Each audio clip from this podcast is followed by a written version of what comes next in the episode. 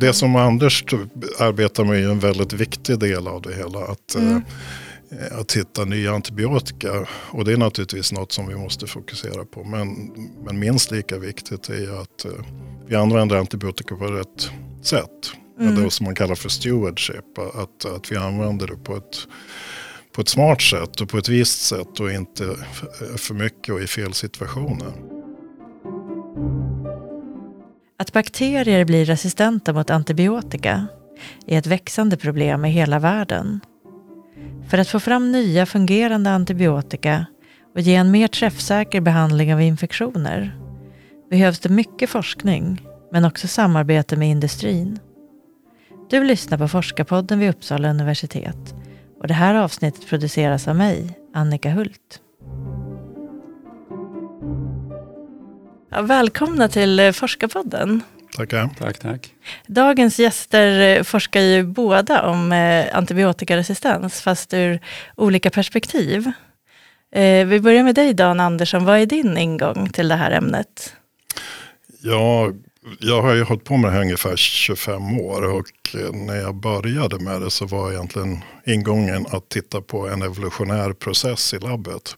Och då var antibiotikaresistens någonting eh, väldigt lämpligt för det. Man kan titta på resistens, hur den utvecklas i realtid. Eh, och sen under åren så har väl det utvecklats lite. jag har blivit mer intresserad av de medicinska aspekterna av det hela. Det till exempel diagnostik. Eh. Mm. Och du då, Anders Karlén, vad har du för ingång till det här ämnet?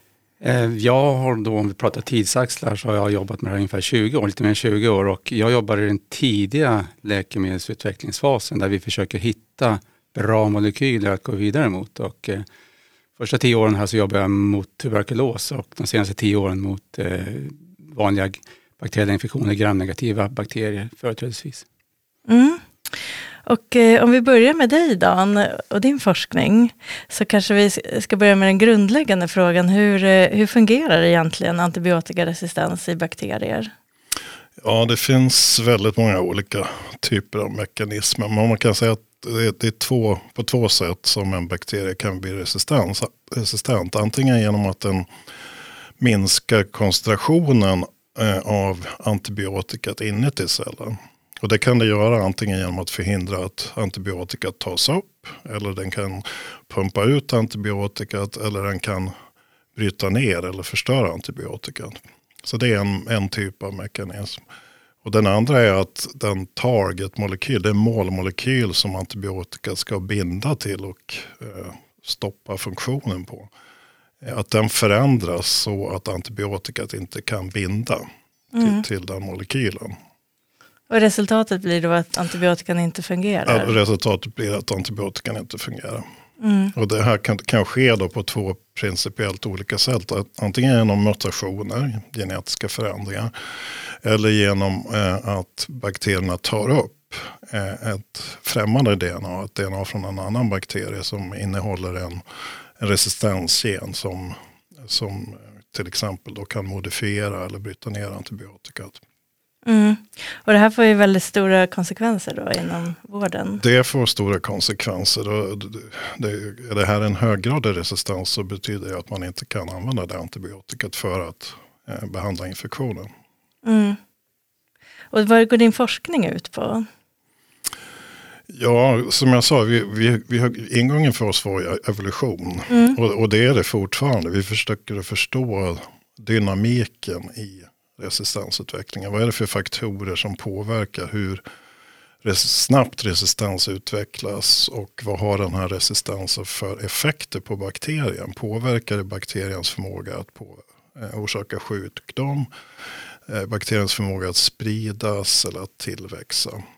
Mm. Eh, så, så det är fortfarande något som vi tittar väldigt mycket på. Sen har vi också lite mera medicinskt relevanta aspekter som vi tittar på eh, under senare år. Det, det handlar framförallt om diagnostik, så snabb diagnostik för antibiotikaresistens. Eh, men vi har också ett, ett stort projekt där vi tittar på antibiotikainteraktioner. Mm. Hur, om man ger antibiotika i kombination, vilket man gör ganska ofta då till exempel när någon är inlagd på sjukhus. Eh, och, och vad man vill uppnå då är att antibiotika har så kallade synergieffekter. Att effekten av två antibiotika är större än, än man förväntar sig av de enskilda antibiotika. Mm. Eh, och eh, det här vi, vet vi inte speciellt mycket om. Vi vet inte varför antibiotika kan vara synergistiska eller antagonistiska. Det vill säga de har mindre effekt än förväntat. Mm. Eh, och det här har väldigt stor klinisk eh, betydelse. Så det, det vi gör det är att eh, dels kliniska studier men också framförallt då arbete i laboratoriet för att titta på eh, mekanismer för varför får man synergi i vissa fall och varför får man antagonism i andra fall. Mm. Och är det här då kunskap som kommer ut i vården också? Ja, den, den är ju... Eh, den, för oss är den ju inte ännu där. Nej. Men eh, de här resultaten vi har hittills tyder på att eh, det är något som borde tillämpas inom vården. Mm. Eh, därför att ett antagande har under väldigt lång tid har varit att eh, om man behandlar med en antibiotikakombination och två, två antibiotika A och B på en viss typ av bakterie, låt oss säga E. coli, Mm. att alla E. coli uppför sig på samma sätt. Att de antingen alla är synergistiska eller, eller antagonistiska. Men det visar sig att så är inte fallet. Nej. Utan det beror helt enkelt på vilket isolat av E. coli man tittar på. Så det betyder att man måste för varje patient, för varje infektion som man, den specifika bakterie som den patienten är infekterad med, måste man bestämma, är den här interaktionen synergistisk eller antagonistisk?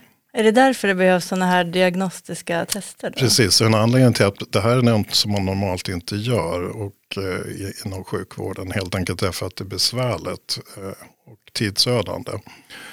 Eh, och vi har bland annat utvecklat ett snabbtest då för det här. Där man väldigt enkelt kan bestämma för ett isolat huruvida eh, det har en synergistisk eller antagonistisk respons till den här antibiotikakombinationen. Och, och vid vilken typ av infektioner kan det användas då? vid i princip alla typer av infektioner där man använder en kombination av antibiotika. Ja, så det, vad kan då det innebära om man skulle börja använda det här snabbtestet inom vården? Ja, det skulle kunna innebära att man faktiskt får en bättre effekt av antibiotikabehandlingarna. Och framförallt så kanske man ska undvika att använda eh, de här kombinationerna på isolat där man har en antagonistisk interaktion. Därför att det betyder att man får en sämre effekt än förväntat. Just det. Alltså då kan det ju ha väldigt avgörande betydelse då.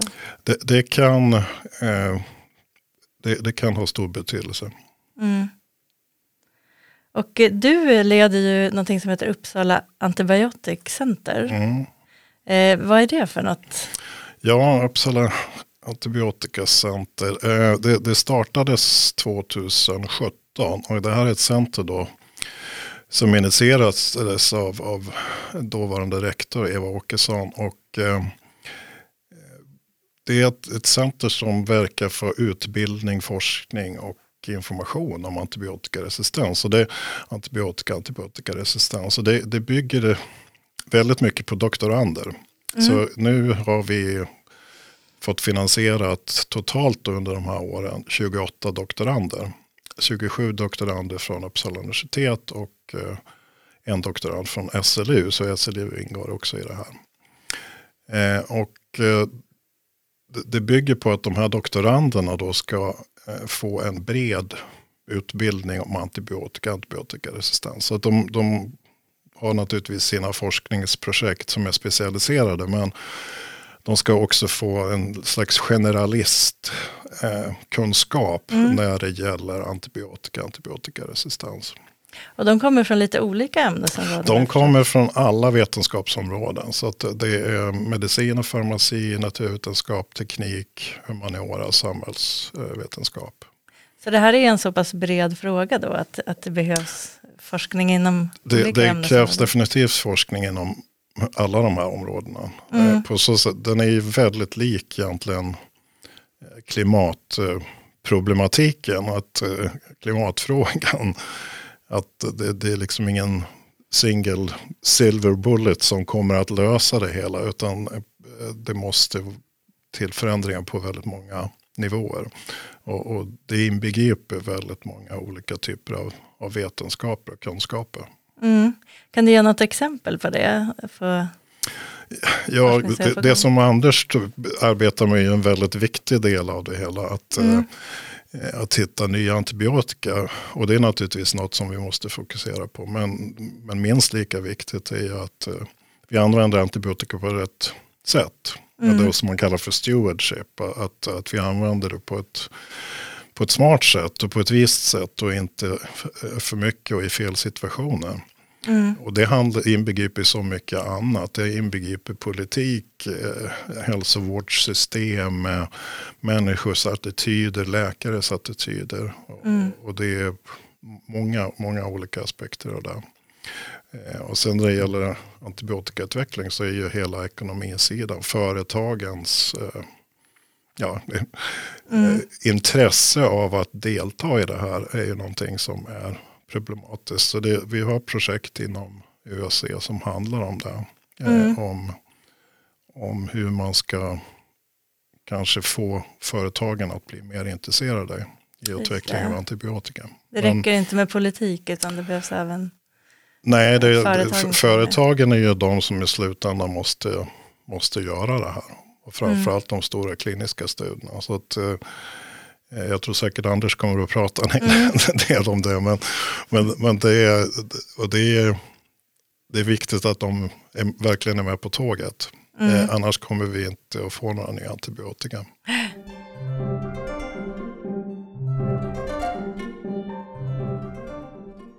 Ja, men vi kanske ska gå över till dig då, Anders. Din forskning handlar ju om att utveckla nya antibiotika. Hur går forskningen till? Ja, man kan först säga då som Dan pratade om tidigare att bakterien gör ju allt för att undvika att så att säga ta åt sig nya substanser som vi försöker döda dem med. De har många olika mekanismer för att göra det. Dessutom de bakterier som vi kanske har störst eh, behov av att utveckla nya antibiotika mot, de gramnegativa bakterierna, de är också ett extra membran som skyddar dem ytterligare. Så att eh, eh, en väldigt stor utmaning i antibiotikautveckling är att hitta bra molekyler, bra startpunkter brukar jag säga, för vidare utveckling. För att eh, om man hittar en sån här molekyl som tar död på de här gramnegativa, gramnegativa bakterierna så är ju inte det ett läkemedel utan eh, det är ju så att säga själva starten för hela den här processen som då till slut förhoppningsvis leder fram till en, en molekyl, en substans som kan, eh, vi kan ge på apoteket eller i sjukvården.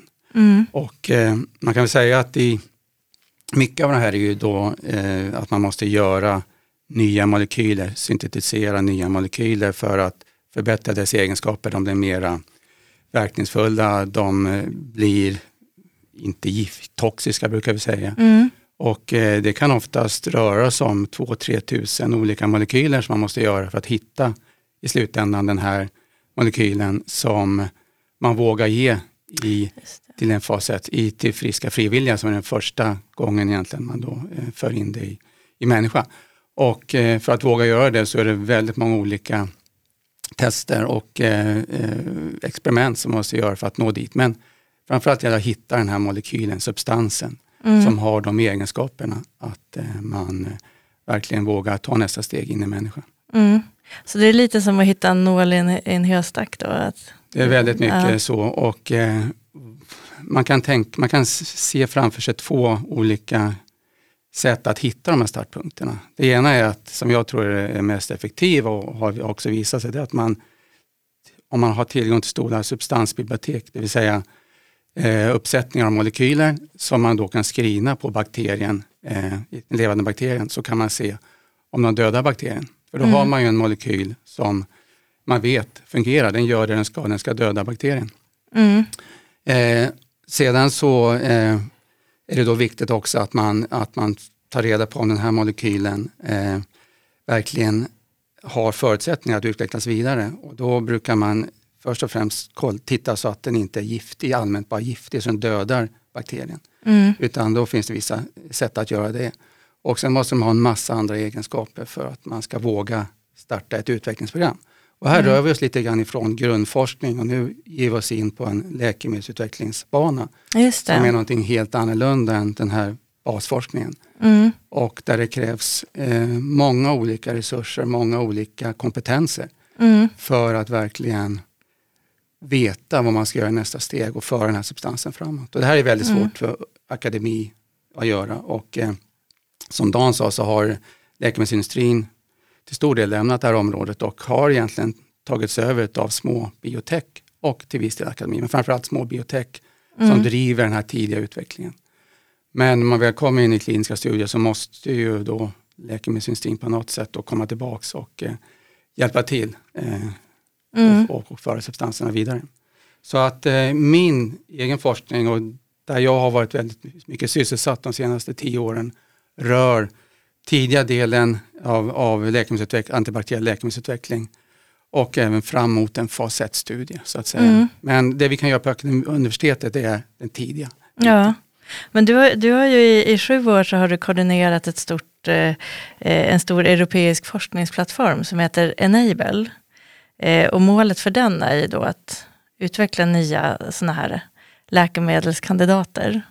Eh, hur, har, det- hur har det gått, tycker du, under de här åren? Jo, det här var ju en jättespännande satsning eh, som utlystes 2013 och eh, 2014 vann vi den här utlysningen och det här är då ett, ett publik-privat partnerskap. Eh, det innebär att, att den publika sidan som består av universitet, sjukhus, biotech tillsammans med läkemedelsindustrin går tillsammans och försöker i det här fallet, i den här ansökan, i det här projektet att få fart på eh, den här tidiga pipelinen, den här tidiga utvecklingen, ända, faktiskt ända fram till fas 1-studier. Mm. Så att vi fick då 850 miljoner kronor under sex, sju år höll vi på. Och eh, med syfte då att, att få fart på och hjälpa små biotech och akademi med precis det här problemet jag nyss beskrev. Mm. Att få tillgång till de experiment, till den kompetens och till pengarna.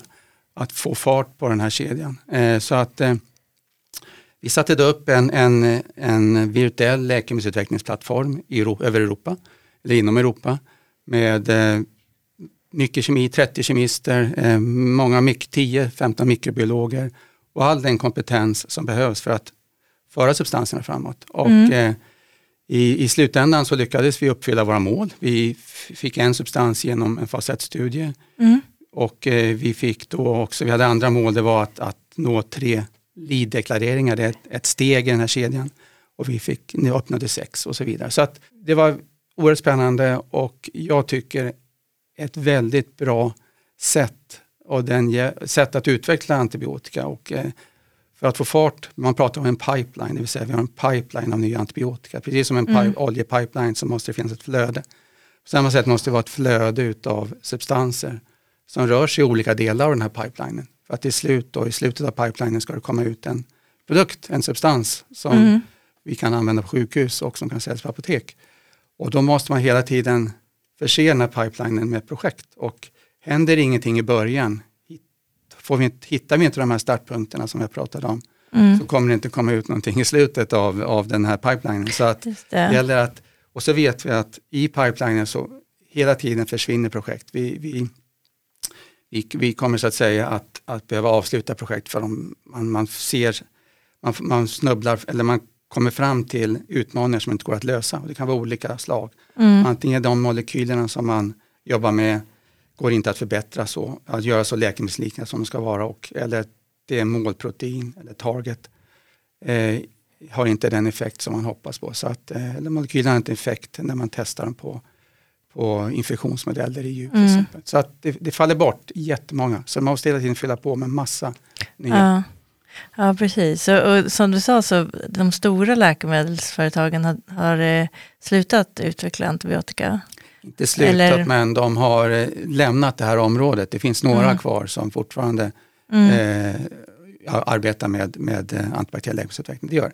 Mm. Men många har lämnat och mycket av det beror ju på att, att den modell vi har för eh, ja, hur vi så att säga, man brukar tala om return of investment, det vill säga den invest- investering man gör i ett läkemedelsutvecklingsprojekt, den betalas inte tillbaks. Mm. För att eh, antibiotika tar man ju oftast bara under ett par dagar, 5-10 dagar. Mm. Eh, och eh, hittar man någon substans, en molekyl som är revolutionerande bra så vill vi inte använda den utan då lägger man den på hyllan. Och det här ger ju inte några inkomster till företaget så att eh, då eh, har man satsat massa pengar men får in- ingenting tillbaks. Ja, precis. Så det, det, det är ett samhällsproblem, men man, det krävs liksom även att företagen är med för att det ska gå att lösa, kan man säga så? Det kan man väl säga och eh, det pågår ju väldigt mycket diskussioner inom eh, för att förstå hur vi ska få till en modell där vi kan ge företagen eller de som jobbar med det här tillbaka det de har investerat. Och Mm. just nu så har vi inte någon riktig eh, modell för det, men det, det finns lite olika piloter, pilotförsök ute. Mm. Och nu, nu kommer Enable att få en, en fortsättning, Enable 2, eller det har redan startat va? Det har startat. Ja. Vi, vi, eh, vi lobbar ju väldigt mycket för att vi tyckte det här var så att säga, man hade då byggt upp den här kompetensen under sju år. Eh, och, och att bara låta det här disintegreras eller sluta så hade ju varit en förlust. Så att vi lobbade mycket och eh, vi lyckades eh, genom eh, VR, re, re, VR få 25 miljoner för 2022 och eh, behålla en del av den här antibiotikaplattformen. Eh, Mm. Och då gick vi ut med en utlysning inom Sverige och eh, för att stötta svenska eh, universitet och små biotech. Eh, och eh, även 2023 kommer vi att få den här. Men nu jobbar vi också för att få mer långsiktig finansiering naturligtvis. Och, eh, vi, målet är att kunna gå ut i Europa eh, och kunna ha en utlysning där, där, för det här är ju inte ett svenskt problem, vi måste också se över Europa eller globalt eh, och hjälpa. För det finns inte så många initiativ som jobbar med den här tidiga, hjälper universitet och små biotech i den här tidiga fasen av läkemedelsutvecklingen. Så jag tror Mm. vi har en nisch där som är väldigt unik. Mm. Och eh, eh, du och din forskargrupp har ju då, eller inom Enable har ni hittat en molekyl sa du, som biter på bakterier. Ja, vi, eh, som jag sa så är det här, vi lyckades efter tio år med forskargrupp hitta en molekyl som hade de här egenskaperna Mm. som, som jag pratat så mycket om, eh, som dödade de här kritiska gramnektirbakterierna och vi ansökte dem att komma med i Enable. Och eh, kom med där och fick den utvecklad eh, en bit på vägen och eh, när Enable 2 startades upp så, så har vi, fick vi även in den där så den har fortsatt utvecklas inom Enable 2. Mm. Hur långt har man kommit då? Ja, Vi är på det här stadiet lead-deklarering, det vill säga där vi har visat att molekylen har effekt på djur, på en, infektionsmodeller på, på mus eh, och den har läkemedelsliknande egenskaper. Men vi har en lång bit på vägen innan vi når nästa stadium i den här läkemedelsutvecklingskedjan som man brukar kalla en kandidat. Och eh, där är vi nu, vi har vissa utmaningar som vi slåss med eh, men eh, i och med att vi har tillgång då till kemi och mikrobiologi och, och eh, all den här screeningen som behövs så går det här framåt. Hade vi inte befunnit oss i någon sån här plattform så hade det stått stilla för det finns inga, ja, det finns inga pengar för att, att eh, det är väldigt svårt att få in pengar för att jobba med läkemedelsutveckling. Mm. Det är inte basforskning utan det, det är mer en, en, en utveckling så det, det är svårt att hitta de pengarna.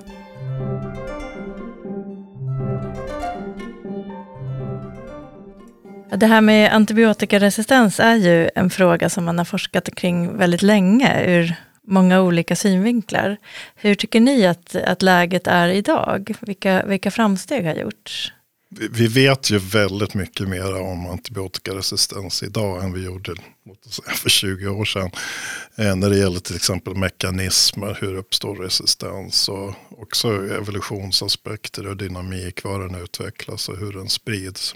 Eh, men det, jag skulle säga att vi har gjort de största framstegen på senare tid, det är egentligen inom diagnostik. Där har det hänt väldigt mycket, just inom snabbdiagnostik. Och det är väldigt många akademiska grupper, biotechföretag som, eh, som håller på med det och som har kommit eh, väldigt långt. Så bara i Uppsala finns det tre, tre företag, tre, tre mindre företag som jag skulle säga är världsledande inom det här området. Så det, det, det jag ser liksom som den stora förändringen under, ja, låt oss säga de sista 20 åren är att vi, vi är väldigt nära att introducera ny snabb diagnostik. Eller som har delvis redan introducerats. Mm. Eh, och det kommer ha, ha, ha effekter. Eh, om det introduceras, det krävs ju naturligtvis att det här introduceras i sjukvården och det är ju ofta en kostnadsfråga.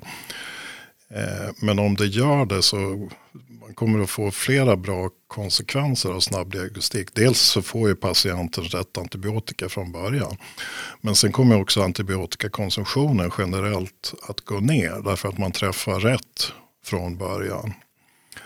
Eh, och, det är någonting som man naturligtvis vill, vill uppnå. Eh, och dessutom så kan man använda då antibiotika Eh, under längre tid. Även om man har fått resistensutveckling. Så låt oss säga att 30% av alla bakterier är resistenta mot ett visst preparat. Idag betyder det att man slutar att använda det i så kallad empirisk terapi. Men vet man då att har man ett snabbtest då kan man gärna använda det här på 70% av infektionerna. Men det, för att kunna göra det då behöver man snabbt kunna identifiera vilka 70% är det. Just det. Så att det förlänger så på så sätt då livstiden på också de existerande antibiotikerna.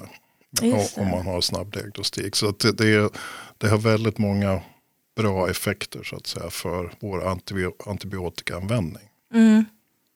Vad säger du Anders inom ditt område då? Vilka framsteg ja, kan du se man har gjort? Det vi vill uppnå inom antibiotikautveckling det är att hitta nya substanser som, har ny, som ser helt unika ut och som har effekt på nya målproteiner, nya targets. Eh, det vi ser idag i, i pipelinen, det som kommer ut, det är oftast anal, eller liknande substanser av molekyler eller substanser som redan finns på marknaden. Så de är förbättringar och de slår på flera resistenta bakterier men det kommer att uppstå resistens väldigt snabbt här också. Så att vad vi verkligen letar efter är nya typer av molekyler och eh, eh, det händer inte så mycket där tyvärr. Utan eh, det, det, det, som kommer ut på marknaden är framförallt molekyler som liknar redan existerande. Så det är något för, för framtiden så att säga? Som... Det är för framtiden och eh, det är väl också så att eh, om man går, ger sig in på en läkemedelsutvecklingsbana så är det lättare att, att nå hela vägen fram om man vet att det målproteinet redan fungerar. Mm. Att slå på ett helt nytt målprotein eh, är större utmaning och det kommer att eh, fallera oftare med de molekylerna. Just det. Så att eh, det är lite grann vilken väg, vill man gå den svåra vägen eller lite enklare vägen? Ja. Mm. Så att, men en, ja. Vi har pratat om det här att det här är ett väldigt stort eh, växande samhällsproblem. Eh, man brukar kalla det för den tysta pandemin. Att det, det är ett väldigt stort problem idag med antibiotikaresistens. Tycker ni att det, det, finns liksom en konsensus om att det här är ett viktigt problem eller, eller behövs det fortfarande spridas mer kunskap om antibiotikaresistens? Ja, jag, jag, tror att det, det beror nog lite på var man, var man tittar i världen också. Men om, om, du ställer, om det gäller Sverige så skulle jag nog säga att det finns en, en ganska stor medvetenhet om den här problematiken bland allmänhet, bland politiker och eh, ja, egentligen alla.